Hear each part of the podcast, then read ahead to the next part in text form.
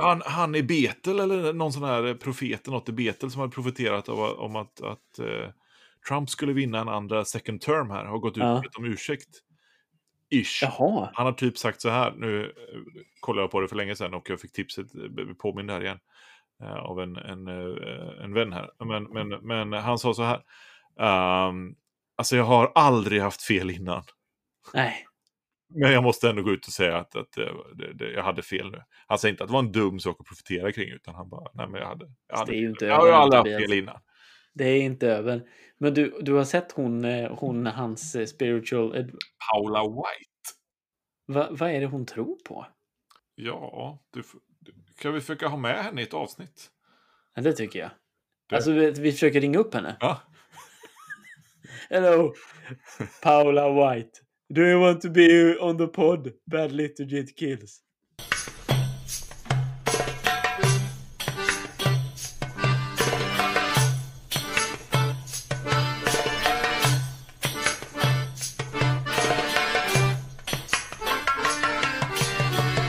Dålig liturgi dödar. Podden som kom efter inför söndag.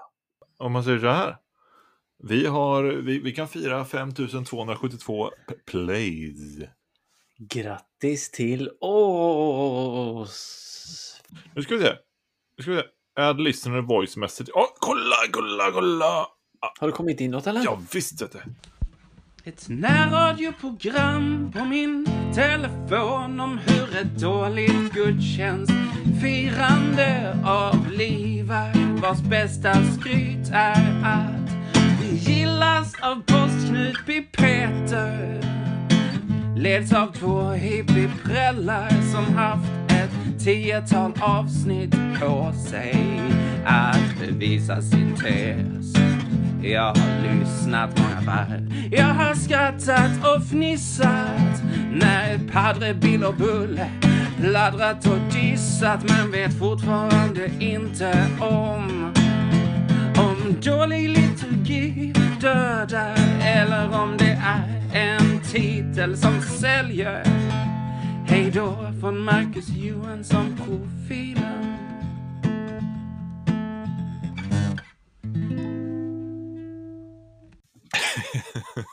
Fantastiskt bra. Det är ju löjligt.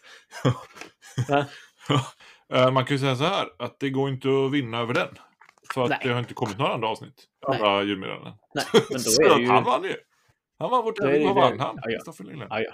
Vad vann han? Nej, otroligt, eh, otroligt faktiskt. Mm. Även om det hade kommit in en massa fler ljudmeddelanden. Svårt att bräcka den alltså.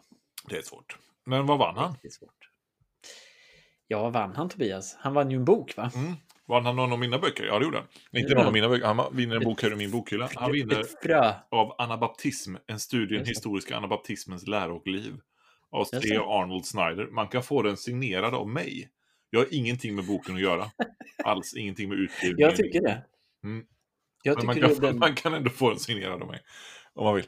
Eh, eh, den kommer på posten, Marcus. Eh, grattis. Och tack. Och tack. tack. Marcus. Tobias Elof Hallin heter du. Det heter jag. Du är Pappa präst i. Kvibille församling. Mm. Ja, Kvibille, ja. Mm. Är det Kyrka. är det? Nej, det är du inte. Mm. Du är adjunkt i Kvibille församling. Vad heter det då? Kortedala. Kortedala församling. I. Kortedala jobbar jag. Just det. Annars är du bibelskolelärare, eh, författare, Mm. Eh, punksångare, Mm. skrikare, Mm. ja, Mm. far, Mm. man. Mm. Vad är det jag glömmer? Du är också präst inom eh, i, i Matteuskyrkan i Göteborg. Eh, du, Kristoffer Lignell, du är Ja. pastor i världens, jag skulle vilja säga så här, vär, världens sundaste och coolaste före detta pingstkyrka som gått med i EFS. Det finns Ja, ingen men- annan sån församling som är så bra Som är så och sund sund, ja. Precis. och, och, och som liksom eh, största också. Vill jag säga. Mm, Världens det är största möjligt. pingstförsamling som gått med i EFS. Det är möjligt. Jag vet inte. Så det är ju, ja, men så måste det ju vara. Jag, jag får börja med en liten bikt här. Ja, absolut. Ja, men det var ju så här, förra veckan så hade vi ett, ett grymt bra avsnitt tycker jag. Men eh, jag uttryckte mig lite med glimten i ögat, men det hörs ju inte så bra.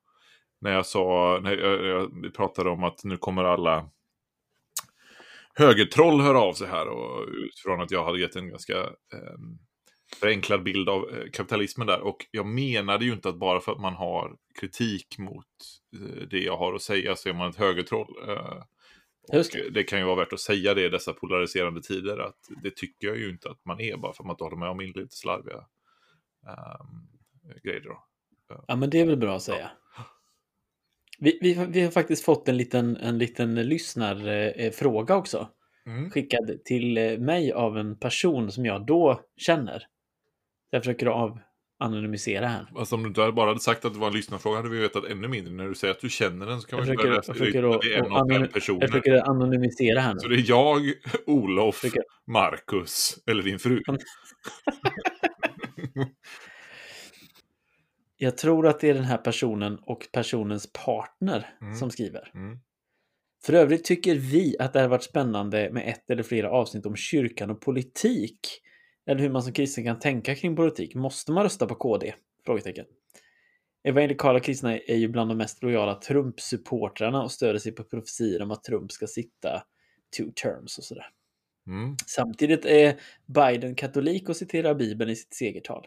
Jämfört med Sverige där Elisabeth Svantesson knappt fick behålla jobbet på grund av livets sopkoppling. Nu ska vi inte prata om det idag. Eh, Men det, det, är ju, det det hade ju kanske varit intressant att någon gång bara gräva lite i Absolut. det. Men jag skulle också vilja påstå att vi på ett sätt ska prata om det idag. För vi ska prata om kyrkan och kyrkans väsen. Mm. Eh, och en praktik som kyrkan har. Och det är politik. Alltså, att, alltså hur kyrkan lever sitt liv mitt bland människor är politik. Mm. Det kanske inte är då den här typen av politik som de är ute efter, att placera in olika fack eller sådär. Och jag skulle vilja säga att, att kyrkan inte passar in där. Men, men liksom att, att det, det här är politiskt också. Eh, och en, en grej av våra teser är ju just alltså, uh, dålig liturgi dödar då, att, att dålig liturgi, alltså, dålig, alltså vi har någon slags, kyrkan är en politik så att säga, den har Mm. inte en politik som Stanley Hauerwas skulle sagt. Uh, och det, det är väl någonting som vi ligger nära i vårt tänkande också då. Det, det kommer vi ha chans att komma tillbaka till utifrån detta då, den här frågan kanske. Nej, men det- vår tanke är just att dåliga liturgier finns ju både innan och utanför kyrkan. Eh, liturgi från början är ju, ordet betyder ju tjänst för folket eller folkets tjänst eller samhällstjänst. Så att när, när kyrkan börjar beskriva sin gudstjänst i termer som liturgi så är det ju inte ett, en religiös term, så att säga, uteslutande. Öppna era hjärtan för Gud, vi öppnar våra hjärtan. Så, vad ska vi prata om idag? Bön! Ska vi snacka om då? Vi ska, vi ska snacka om bön. Fy vad gött. Ja, ehm, jag skulle vilja börja med en sak.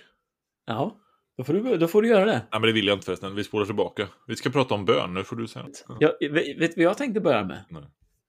Jag tänkte börja med att fråga så här. Ja. Hur, hur träffades vi egentligen?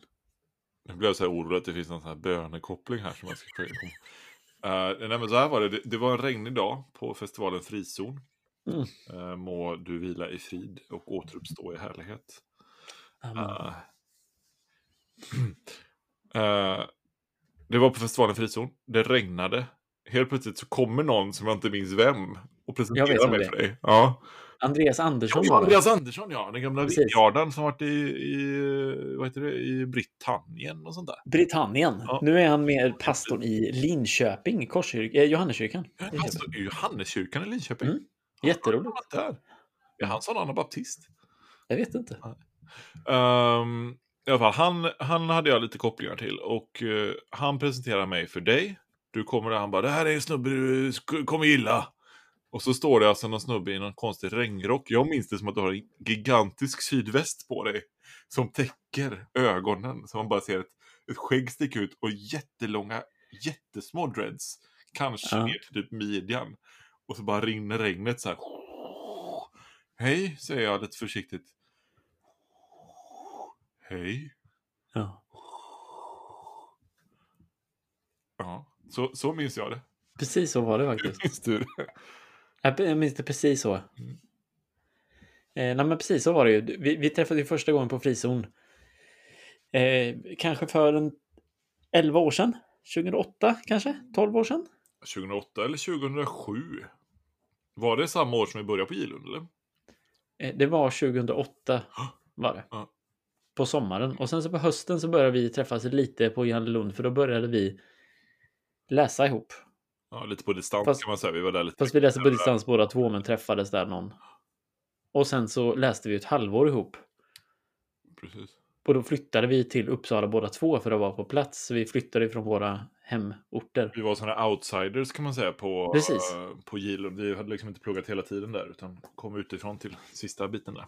Ja men precis. Och sen så började vi ju, och, och det gjorde att vi, vi var ju de, de som var utanför då, så vi, vi fick, var ju tvungna att hänga med varandra. Mm, och folk kände ju, fattade ju inte att vi var två personer i början. Heller. Nej, precis. sådär att jag fick ju höra ibland, då, Kristoffer hade precis fått barn då. Då fick jag höra ibland, ja men grattis till ungen. Ja, precis. Ja, jag har inte fått en unge. Och Kristoffer fick höra ibland, ja men kul att du ska starta kommunitet i Hammarkullen. Eller folk som stoppade mig bara i korridoren och sa Hej Tobias, du... Eh, eh, vem? vem Det sjuka är ju att det där fortfarande händer ibland. Liksom. Det händer lite nu och då, ja. Ja. Absolut. Mm. Men vi märkte ju där att vi hade ganska både liknande eh, resor i livet och teologiska resor. Så vi Absolut. fortsatte umgås. Sen flyttade jag till Hammarkullen med familjen. Ja, det var ju några år emellan där, men absolut. Jo, jo, Mm. men några år då vi hängde. Absolut. Skrev en bok. Så är det. Så är det. Ja. Och vi hänger fortfarande. Det är ändå stort. Det är ändå stort ja. Ändå 12 år nu. ja ju... Hör du, eh, vad har hänt sen sist? Hur är det med Jesus? Men vi skulle, skulle inte bara prata om bön och grejer? Säg nu istället. Ja, men okej, men då gör vi så här. Den där frågan, Ja. den kan jag... Här, jag, jag, kan, jag kan gilla den för att jag, jag har någon slags pietistisk godkänsla inför den. Ja. För att den får mig att så här, ja men okej, men det, det hj- hjälper mig. Det är lite examen för mig liksom. Ja, just det. Lite Just som det. examen. Man får utvärdera sitt liv lite, vi kommer tillbaka till den sen kanske. Men, Ja. Eh, så jag gillar den, men, men jag har pratat med rätt många det sista. Ja. Som för den är det en sån här maktfråga. Är det så? Kommer Ja, bara, precis. Du har det väl bra ställt med Jesus va? Just det. Du syndar väl inte nu? Du gör väl inte det här som jag, du vet att jag inte gillar? Och så finns det väldigt mycket skam med den där frågan. Och sådär. Ja, vad spännande. Ja, det är spännande, men det är inte riktigt min association. Ehm, har du också märkt att så fort du frågar den frågan så pratar jag också ofta om andra saker än att svara på just frågan? Ja. Mm. Det är lite spännande. Vet du vad jag tycker är intressant med frågan? Är att när jag innan idag eh, gick och funderade på så här, hmm, ska vi säga någonting om varför vi ställer den där frågan till varann, varenda eh, avsnitt? Ja. Så tänkte jag, hmm, hur skulle jag förklara till att vi ställer den? Och så hade jag exakt samma förklaring som du just nu gav. Det är fantastiskt. Både att, både att det är så här, det finns någon sån här god, god fråga liksom utifrån ändå den väckelsetradition som vi, eh, vi tillhör och Mm. som Mm. i alla fall jag är uppvuxen i. Eh, som är just en, en god fråga, men hur har du det med Jesus? Att, att, att det är viktigt med den liksom personliga tron. Sådär. Men jag kopplar det också just till den där jobbiga frågan som alla sketna andliga vägledare och ignatianska polare säger så här. Hur är det? Ja, det är, så, det, det är, det är sådär och sådär och sådär. Har du pratat med Jesus om det? Lägg av. Exakt. Man bara, Nej, det har jag inte. jag är ju här för att prata med dig. Jag tror jag skulle gå till Jesus när jag kan... Ja. Liturgi dödar Eh, David Bazan. eh, som körde det här bandet Pedro the Lion. Eh, han heter ju inte David Bazan då, men det är ju alltså svenska av hans namn då. Han sa ju någon gång att alkohol är mycket verkligare än vad Jesus är. eh, efter att han tappat tron. Eh, ja. mm. Hade han... Mm. Mm, och- men, och, och då tänkte han så här att, att liksom den trösten och den direkta liksom, ja, men den, den direkta effekten det är av att närma sig Jesus i bön Ja. att ta en öl. Det är sjukt Ja. mycket mer verkligt och effektivt att ta en öl. Ja, okej. Något sånt sa han. Mm. Ja. Ibland kan jag känna lite likadant när jag sätter mig och ber. Ja. Att jag så här, ja, det, det är bra. Jag har Ja, någon slags idé om att ja, men i det långa loppet så är det skitbra. Liksom. ja just det. börja tänka sig instrumentellt om bönen, du vet. Ja. ja. men, jag ska få en upplevelse, det kommer nog från min karismatiska bakgrund. Ja. Så här, vi närmar oss Gud för att... Så här, och det var ingen som sa så, alla sa ju, hade god undervisning överlag. Ja, Så sa, ja. "Nej, men vi ber för att vi vill vara med Gud bara. Mm. Skitbra. Men det som blev när man hypade alla effekterna, så att säga, specialeffekterna, Mm. eh, det var ju att nej, men vi ber för att saker ska hända. Liksom. Mm. Och när det där slutade hända för mig, eh, och det var för att jag vandrade i synd eller något sånt där, Förmodligen. eller fel teologi, Ja, Ehm, så, så blev det ganska, ganska mycket skam där i början. För jag tänkte, shit, alltså. Det- här är inte, det är inte verkligt längre för mig. Det är inte, så- Mm. det är inte så påtagligt längre det här Mm. med bönen. Liksom. Tycker inte att det är så tydligt när jag, när jag inte längre köper att mina fria fantasier är profete, profetiska utsagor till exempel. Mm. Eller sådana grejer. Så, så blir det inte så himla... Det blir inte lika spännande helt plötsligt att be. Mm. Det, det, det blir, jag blir lite bränd där liksom. Men så, så när jag ber ibland så kan jag lätt, liksom fortfarande märka att jag glider in i det där och tänker att ja, men Mm. jag ber för att få någonting, för att få en gudsupplevelse eller för att Ja. bli en bättre människa eller för att Mm. Gud ska göra någonting och sådär. Mm. Jag, jag tror inte att alla de liksom känslorna är fel, men jag märker att det, det är oftast min intention egentligen. Mm. När jag liksom i grunden egentligen har min, min grundläggande intention och vilja är ju att faktiskt bara få tillbringa tid med Gud. Liksom. Mm. Mm. Uh, och för mig har det varit en stor hjälp att, att försöka att hitta de andliga liksom, förebilderna och, och traditionerna som talar om, om bönen på ett sådant sätt att vara med Gud. Just det. Uh, och där, där man liksom kommer un, alltså där man inte försöker liksom UMUa förbönen till så här, tio principer för effektiv förbön. Eller Nej, liksom, precis. sådär. Uh, och på senare tid har liksom Jesus meditationer och, och den ordlösa bönen um, hjälpt mig än mer att faktiskt så här, inte försöka effektivisera eller instrumentalisera bönen. Liksom. Mm. Uh, men vi kommer tillbaka till det kanske. Men, men hur är det för dig? Du, du ju tidebön varje kväll med, med din fru och ett gäng online-folk. Helt anonyma onlinare. Ja, precis. Som cyberfreaks. It's the cyber prayer. Welcome to the cyber prayer. Du, eh, jag tänker också, ja men jag tänker också så att bön har varit mycket, jag kan känna igen mig jättemycket i det du säger. Jag var ju på retreat för här någon vecka sedan. Mm. Eh, och bara där så märkte jag hur lätt det var när jag satte mig ner och bara skulle vara. Och när jag också hade faktiskt möjligheten att bara vara. Det fanns inget jag skulle förbereda, det fanns ingen predikan som skulle skrivas. Det, det, det var bara, så att säga, bara att sätta sig ner och be. Mm. Och hur jag också där märkte hur det var. Det är lätt att falla in i det, ja. Samtidigt så tänker jag också att det är inte konstigt att det är så. Um, alltså i, i en vanlig relation också så är det ju, menar, när vi ringer och pratar med varandra så ibland så ringer vi och pratar bara för att höra läget liksom och bara för att så att säga umgås. Mm. Bara för att prata. Men, men ibland så ringer vi också för att vi faktiskt har ett, jag behöver hjälp med det här eller För att du har användning av mig. ja, faktiskt. Men för att jag behöver hjälp. Så det kan man ju tänka instrumentellt, men i den, i den kontexten av relation Ja, så är det inte absolut, konstigt absolut, heller att man absolut. utbyter grejer av varandra. Där tänker jag det är inte heller konstigt att det, det är också en naturlig grej i, i relation med Gud och i bönen. Verkligen. Men jag tänker också att, att, att det, det är så lätt att bönen blir så... Eh, alltså det blir en mental övning. Eller det blir en tankeövning. Ja. Så här, nu ska jag tänka på Gud. Eller... Och så blir det, och det, det kan vara lite det du säger också, att det blir, en så här, det blir också en mental övning i att både söka efter den där effekten eller det instrumentella. Det kan också bli någon så här tankeövning i att försöka tänka att man inte ska tänka på det instrumentella. och så är man där att bönen blir något väldigt kognitivt. Precis. Jag tyckte det var intressant att läsa, det var någon som skrev om Abraham. Abraham ber först och främst genom att handla. Han är en tystnadens människa som vid varje tapp av sin livsväg bygger ett altare åt Herren.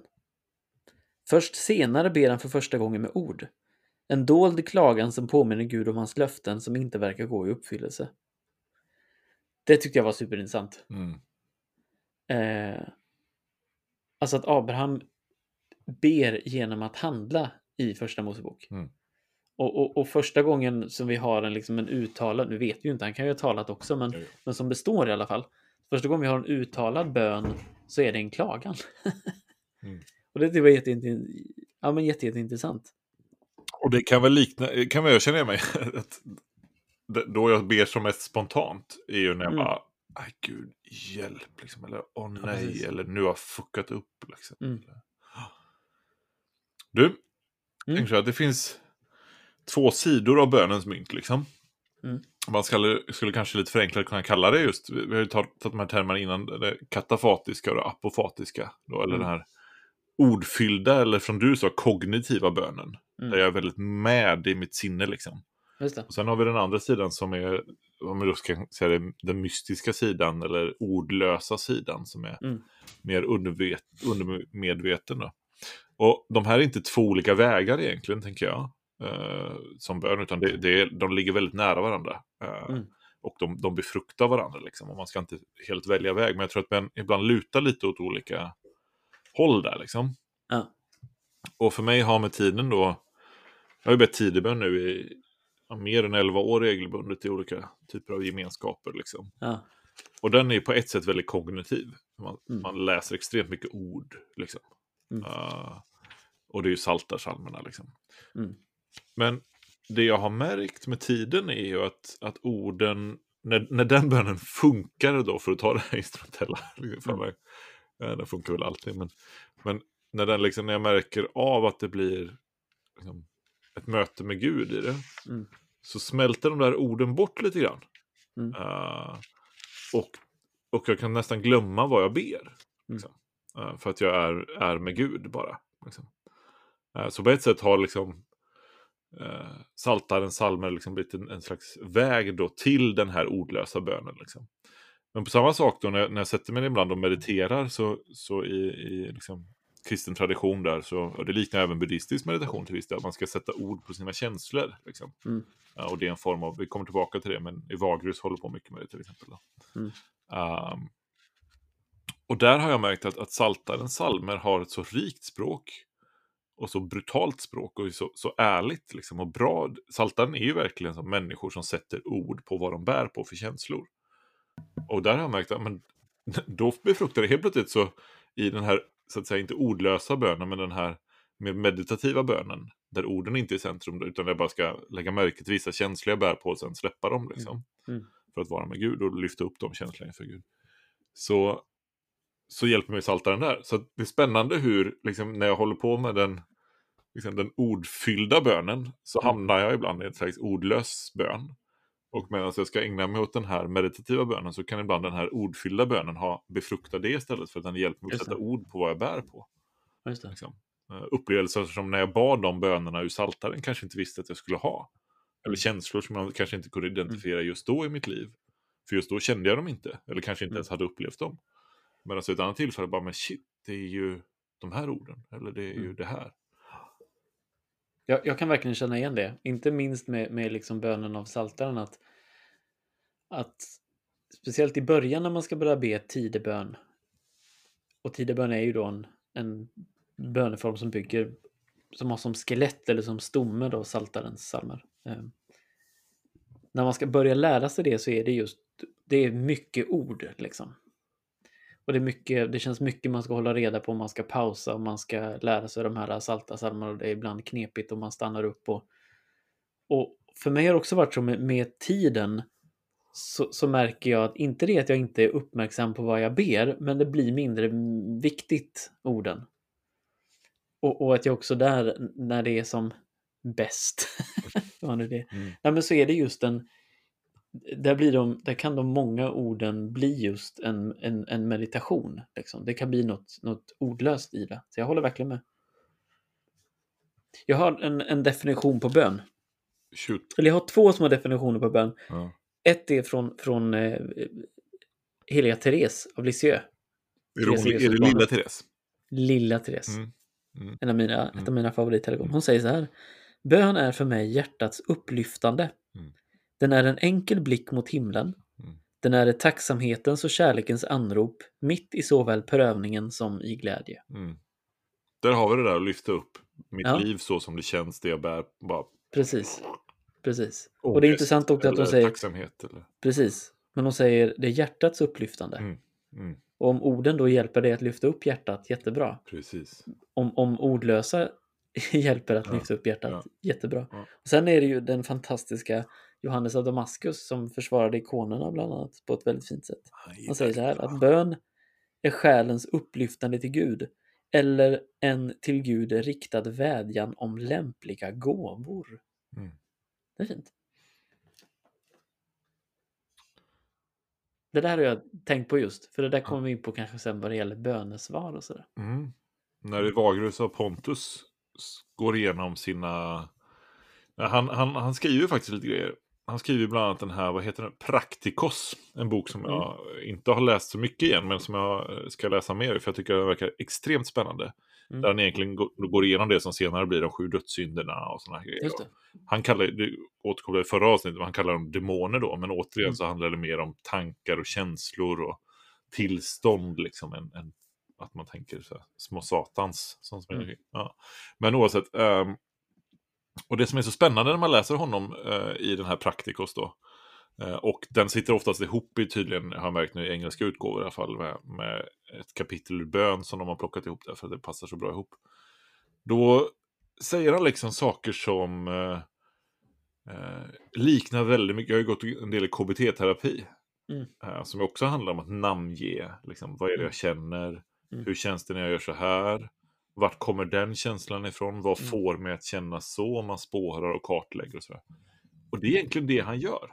Jag Mm. känner eh, lättjan, eller vad heter inte lätt, ledan, liksom. Ja. Ehm, är det Akadia eller heter? Mm. Ja. Så okej, men den kommer oftast den här tiden på dygnet. Mm. Eh, den kommer oftast när jag har gjort det här och det här. Den försvinner Mm. ofta här. Eh, så det, hans bön, alltså det, eller hans praktik här, det handlar ju väldigt mycket om ett uppmärksamt lyssnande på en själv. Mm. Eh, och ju mer jag har läst på om, om buddhistisk eh, meditation Mm. eh, så är det väldigt likt. Mm. De, de känner antagligen inte till varandra. Det är nog inte så att det liksom är så att, att Ivagrus är inspirerad av, av buddhismen eller tvärtom. Då, eller absolut inte tvärtom eftersom buddhismen är, är äldre. Men de verkar ha liksom uppmärksammat det där behovet som människan har att sätta ord på sina känslor och att det, det händer någonting med oss när vi gör det. Mm.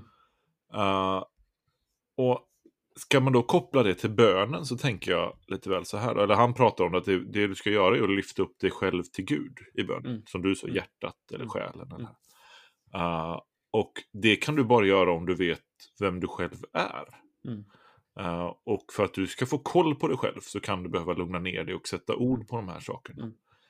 Ehm, och jag vet, vi sjunger ofta någon sån här lovsång, så här, jag vill älska dig av hela mitt hjärta och sådana Mm. grejer. Och det är ju fortfarande sant, det, det tänker jag, det är ju absolut målet för någon slags... Det, annars, om man har något annat mål så har man ju fel teologi liksom.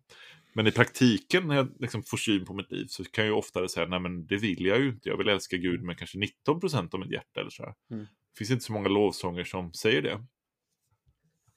Eh, så det blir lite brist ibland på, på lovsånger som är riktigt ärliga för mig. Eh, men då har jag ibland känt så här, men okej, jag kan bara lyfta upp 19% till Gud. Liksom. Det är bara det jag kan ge till Gud. Mm. Men då tror jag, om, om jag förstår Evagrus rätt här då, ehm, så skulle han säga, nej men tvärtom. Så att när du säger till Gud, att Gud, jag har bara 19% just nu att ge dig. Jag Mm. har ingenting, jag har inget mer. Jag vill älska Mm. eh, saker, pengar, Mm. min fru, bla bla bla. Massa Mm. andra saker också. Mer. Eh, du får dela plats med dem i mitt hjärta. Då har man gett Gud allting man har. För helt plötsligt har man varit ärlig. Man har lyft upp det enda liv man har, det enda hjärta man har. Har man lyft upp till Gud. Och det är det enda hjärta Gud vill ha. Mm. Gud vill inte ha något perfekt hjärta, utan han vill ha mitt hjärta. Mm. Och är det fyllt med avgudadyrkan och, och eh, ambivalens och tvivel och liksom, tro om vartannat. Så spelar inte det någon roll. För att om jag stannar till där och lyfter upp det inför Gud så, så är Gud, liksom, Gud är nöjd, så att säga. Mm. Mm. Gud får det enda Gud begär. Ett, Mm. ett, ett möte med mig. Mm. Och det har hjälpt mig extremt mycket i min bön. Att liksom Mm. våga vara helt ärlig där och få syn på, men vad, vad är faktiskt mitt liv? För de enda liksom ber- beröringspunkterna Gud har eh, med mig är ju i san- alltså det som är sant, i det Mm. som faktiskt är jag. Mm. Gud vill inte eller kan inte möta mig någon annanstans. Och oftast är det inte så att, att Gud är den som håller sig borta från de där ytorna. Utan det är jag som håller mig borta från dem. Eh, och därför blir de inte heller beröringspunkter med Gud. Liksom. Mm. Därför blir inte heller synderna jag kanske inte ångrar. Eller, Mm. eh, allt det, det, det, blir, om jag inte vågar säga det till Gud, men Gud, jag vet inte om jag ångrar det här. Liksom. Mm. Eller jag vet inte. Om, jag vet inte. Eh, då låser jag plötsligt dörren och stänger ute Gud och sådana grejer. Mm. Men, men när jag vågar säga det, att så här ser det ut Gud. Jag, jag, Mm. jag vet inte vad du tycker om detta, men jag, Mm. jag tror inte att jag håller med dig. Eller jag vet inte, det kan handla om massa olika saker. Mm. Helt plötsligt kan det få bli ett heligt möte i det. Liksom. Mm. Eh, och där har det blivit väldigt viktigt för mig då att säga, men okej, ett förarbete som egentligen är bön i sig självt är Mm, att sätta precis. ord på vart är jag? Vad är det jag Mm. kommer med nu till bönen, så att säga. Mm. Och det är också en slags bön. Liksom. Ja men, ja, men jag tänker att det självklart är, är det. Och jag, jag tänker att det är det, det är ju sån här... äh, Ibland så kommer människor och säger att jag har svårt att... Jag, jag vet inte om jag tror. Eller, Mm.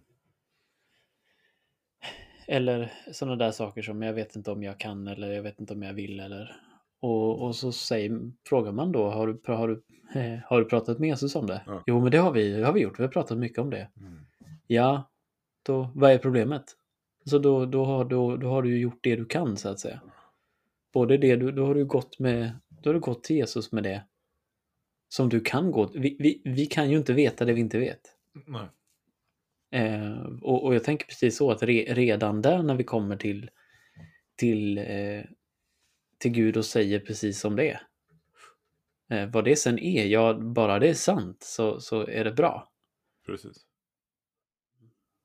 Sen tänker jag tänker också på den här bilden av bön som, som andliga vägledningstraditionen talar mycket om andliga traditionen eh, med Jakob och stegen, där Jakob som, som brottas med Gud. Mm. Liksom.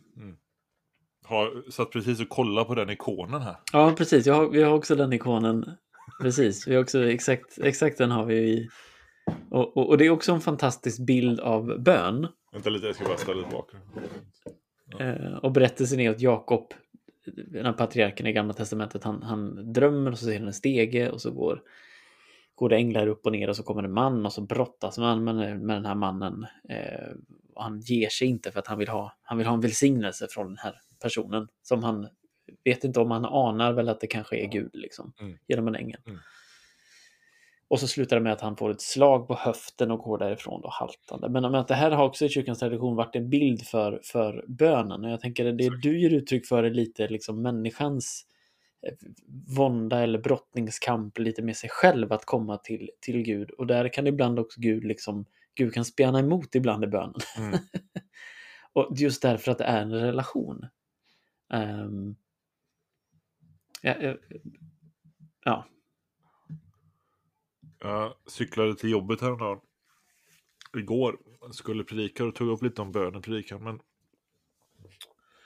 fick jag bara sån eh, stark känsla av att så här, hur kyrkan...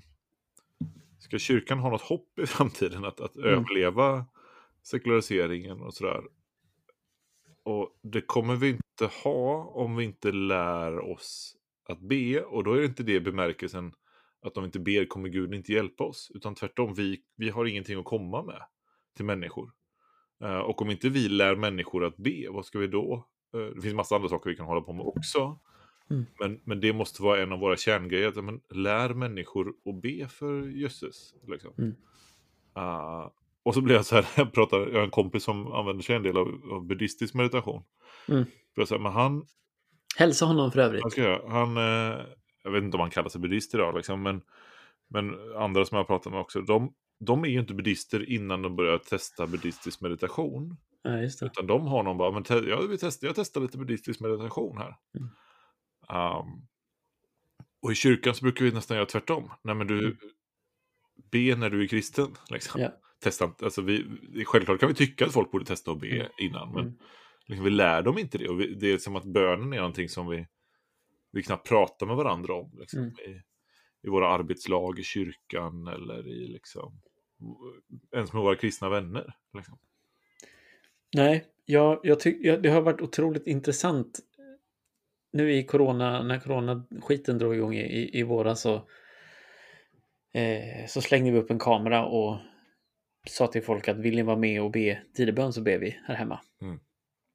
Och så livesände vi det på Facebook. Är man intresserad så kolla upp min Facebook. Det har varit så intressant att se hur många som har gått in lite som man går in i en katedral när det är högmässa. Det är folk som går in i det där rummet och så, så ser man kort hur de har loggat in och så är de med några minuter och så går de ut. Och vissa kommer tillbaka men många bara går in och tittar liksom. Vad, vad, vad sysslar de med? Mm. Och hur folk som vi inte har jätte, känner jätteväl eller alls hör av sig och säger kan ni be för det här? Så att jag tror verkligen att det där är någonting som, som eh, och det, alla sådana här undersökningar om, om, om svenskarnas om svenskarnas eh, religiositet visar ju på att det är långt fler som ber än, än som bekänner sig till en, till en gud. Så där tror jag verkligen att vi har jättemycket att lära oss. Sen tycker jag det är jätteintressant det du säger. För att det här är ju precis lärjungarnas fråga till Jesus. Alltså lär oss att be. Och jag tycker det är så intressant också att när, när ställer de den frågan till Jesus? Mm. Alltså hela det stycket är jätteintressant. Jesus har precis bett. Mm. Alltså de har sett honom, de har sett att han har bett. Mm. De- Det, det, det är en praktik, de frågar inte så här. Och Jesus lägger inte ut någon, någon teori kring bönen utan de har sett honom bara, bara be. De har sett honom be. Mm. De har sett att det här är något annat än, än hur vi har lärt oss eller det finns något mer här. Och sen så frågar de och så säger de just lär oss att be. Jag tycker det är också sån här det, det finns något paradoxalt med bönen att å ena sidan så är det någonting av det mest naturliga en människa kan göra som, som, som Guds avbild är att försöka Mm. söka kontakt med den, liksom med, med skaparen på något vis. Och samtidigt så är det något som, som också lärjungarna och Jesus, det är naturligt att man behöver lära sig. Det Precis. tycker jag är super, superintressant. Men undrar om det inte har det också att göra med ibland att vi tänker bönen som en aktivitet. Alltså, eh, och, och någonting... Jag läste något bra, det, det står så här. Man kan alltid be. För bön är inte en syssla bredvid andra sysslor utan en, utan en unik uppgift, nämligen att älska Gud. Något som Jesus Kristus besjälar. Något som i Jesus Kristus besjälar och förklarar alla våra handlingar. Det är bra. Och det är väl just det när man börjar upptäcka att man kan lyfta upp sitt hjärta till Gud Ja, när som helst, vad den är i. Liksom. precis. Nu diskar jag. Puff! Precis. precis. ja. så, så kan allt bli bön. Liksom. Exakt. Men en, så här.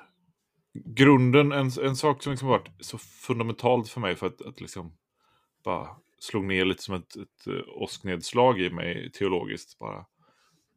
Bönen är inte jag som söker kontakt med Gud. Mhm. Utan bönen är att Gud har sökt kontakt med mig. Och jag gensvarar på Guds kallelse när jag börjar be. Gud är alltid där och liksom, jag vill vara med Elof. Liksom. Jag vill Mm. prata med honom. Jag vill Mm. finnas där. Mm. Och när jag börjar be så bara, yes! Han svarade! Mm. Liksom. Och, och det där förhållningssättet, att bara ändra mitt, mitt Mm. tankesätt mm. lite grann, har gjort att bön blir så mycket godare när jag liksom får ja, men fantisera att, att ja, Mm. men Gud, eller mentalisera att Gud faktiskt är ja, nu svarar han, nu plockar han upp Mm. telefonen liksom. Precis. Uh, vad gött! Mm. Ehm, och jag tänker så här, det, det, bön är inte teknik för att Mm. få Gud att ge- agera. Och samtidigt så, så pratar vi om att lära sig be. Och vi Precis. pratar om tidig bön, vi pratar om Precis. meditation, vi pratar om alla de här grejerna. Eh, men bön är inte en teknik på det sättet som viss buddhistisk meditation kan verka bli för mig i alla fall som en Mm, utomstående som står och, och analyserar den. Att så här, ja, men om du gör si och så här så kommer du få det här resultatet. Just det. Bön funkar inte så. Liksom. Uh, men desto mindre är det ändå inte fråga om vissa goda hållningar. Mm. Liksom. Och, ja, nu har jag ju små, små barn som skriker, men, men jag, jag har svårt att sova överlag. Mm. Liksom. Och jag kan ju inte prestera sömnen. Alltså jag kan inte här, tänka mig fram eller pusha fram eller genom en rätt metod bara så här, nu somnar jag. Precis. Men det finns däremot hållningar som hjälper sömnen att komma. Mm. Precis. När sömnen kommer så är den alltid en gåva så att säga. Mm. Mm. Eh, men det finns tillstånd där jag har svårare att somna om jag håller på med att kolla på mobilen innan. Eller bla, bla, bla, bla. Ägna vissa tankar för mycket uppmärksamhet eller sådär. Men om jag, om jag liksom har vissa hållningar i livet, eller vissa, ja, men vissa hållningar, Mm. och förbereder mig på ett visst sätt, vissa rutiner, så hjälper det bön, eller inte bön, sömnen, Mm. att, att komma till mig. Mm. Och, och så tänker jag lite med bönen också, att vi, vi kan inte tvinga fram Gud genom vår bön. Mm. Men det finns ändå hållningar eller eh, metoder, om jag nu vill kalla det det, då, Mm. som, som gör det lättare att det där mötet blir av. Liksom. Jag, jag tänker precis så också. Jag tänker på två saker. En, en som Broder Wilfrid Stingnesen sa, må han vila i frid. Ehm, och han pratar ju om det här med, han, han, han, tar, han tar bilden när, när Jesus är vid Sykars brunn. Och kvinnan kommer och Jesus säger jag är törstig. Ge mig något att dricka. Och så menar han på liksom att det är ett annat sätt att säga precis det där du säger som, som förändrar ditt sätt att se på det. Mm.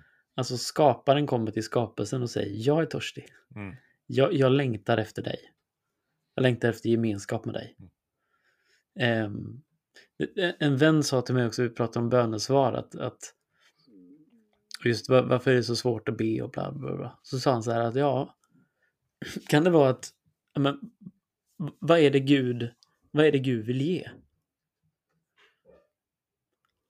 Alltså, det Gud vill ge är sig själv. Först och främst och djupast sett vill Gud ge sig själv till oss. Mm. Och då blir ju den jobbiga frågan direkt. Alltså jag vill ju inte ha det. alltså många gånger så är det ju inte det jag vill ha. Nej, nej, nej, jag vill ju ha... Alltså, Gud, alltså Ge Gud säger ju lägg fram alla era önskningar, absolut. Mm. Liksom, allt det där. Mm. Och Gud vill ge oss goda gåvor. Liksom. Men djupast sett vill Gud ge sig själv. Mm. Mm. Och problemet är ofta att jag, jag vill inte ha Gud, utan jag vill ha en ny bil. Eller jag vill inte ha en ny bil, men jag kan ju inte köra en bil. Eller en andlig upplevelse. eller en andlig upplevelse eller vad som helst. Mm. Och där tänker jag, där blir just bönen än en gång än mer det här att eh, det låter så platt att säga liksom lära känna Gud.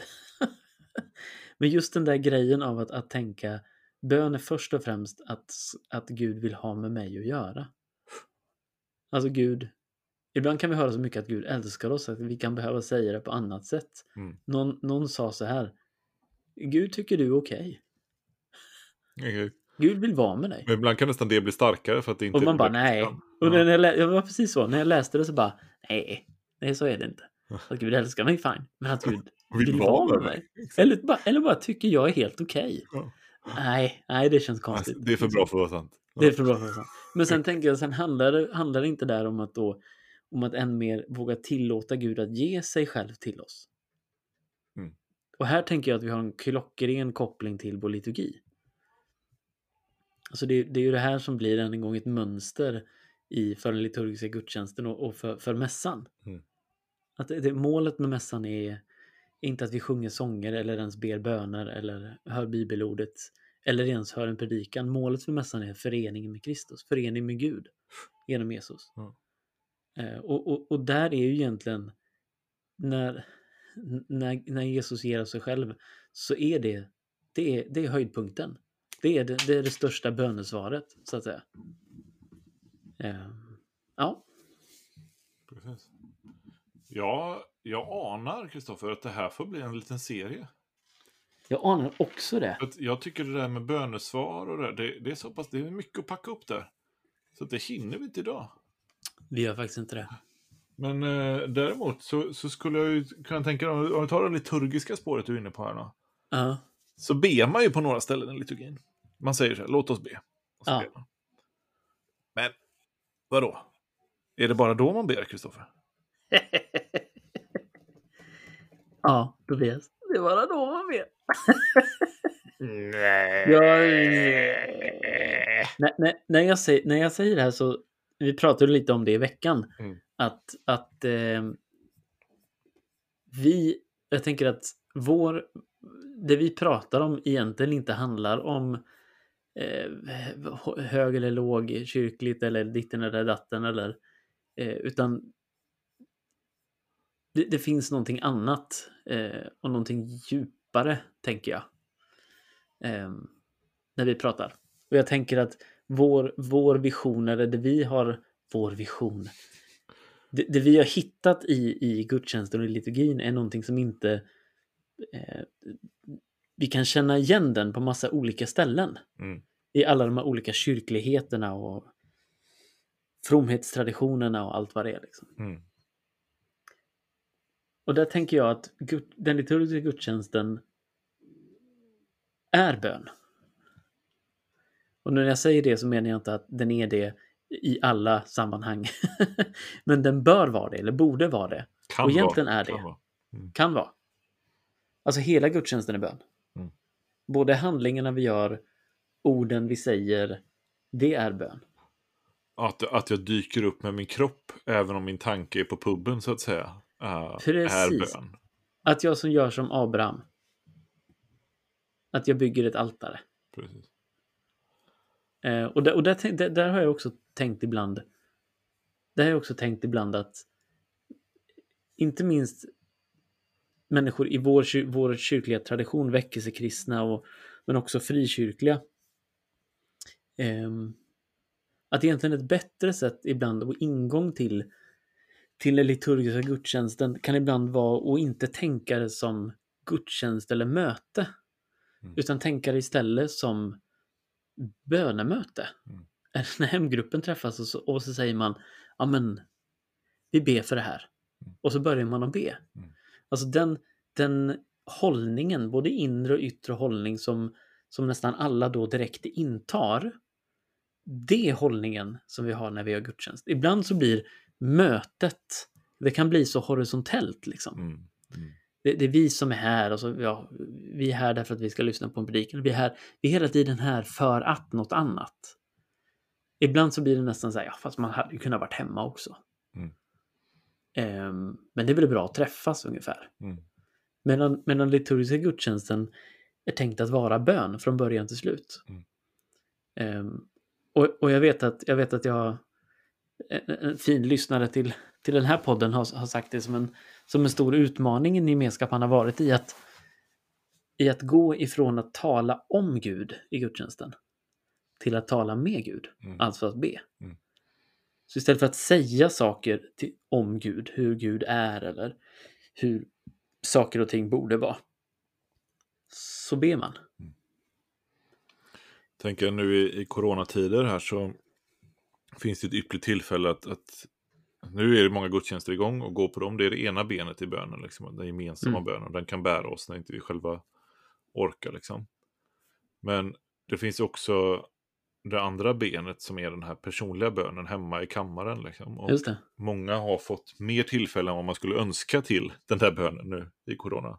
Ja, Eh, precis. och då kanske man kan ta det här fruktansvärda tillfället i akt att säga okej, men nu övar jag mig i den här uppmärksamma bedjandet där jag bär upp fram mitt liv till Gud och Ja, liksom näm- namnger vad det är jag bär på. Bara Ja. Öva mig i den här grejen då.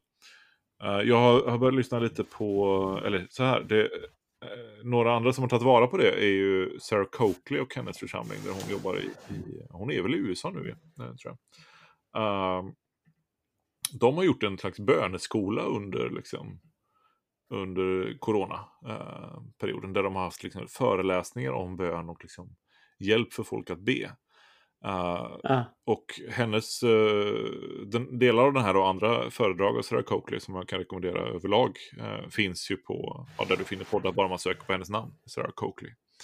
Uh, så kolla upp det, jag, jag, jag tror att man kommer hitta lite likheter med saker vi tar upp också. Uh, jag, har varit Mm. väldigt, jag har lyssnat igenom rätt många av dem där nu och det är väldigt bra alltså. Så det är tips. Men, superspännande. mm, Ja, men jag, och jag, jag tänker på just det här att ehm, någon, om, det, det är någon, om det är någon snubbe som heter Elversson, tror jag att han heter det, som har skrivit så här. Inlevelse, utlevelse, upplevelse är tre begrepp som beskriver liturgins dynamik.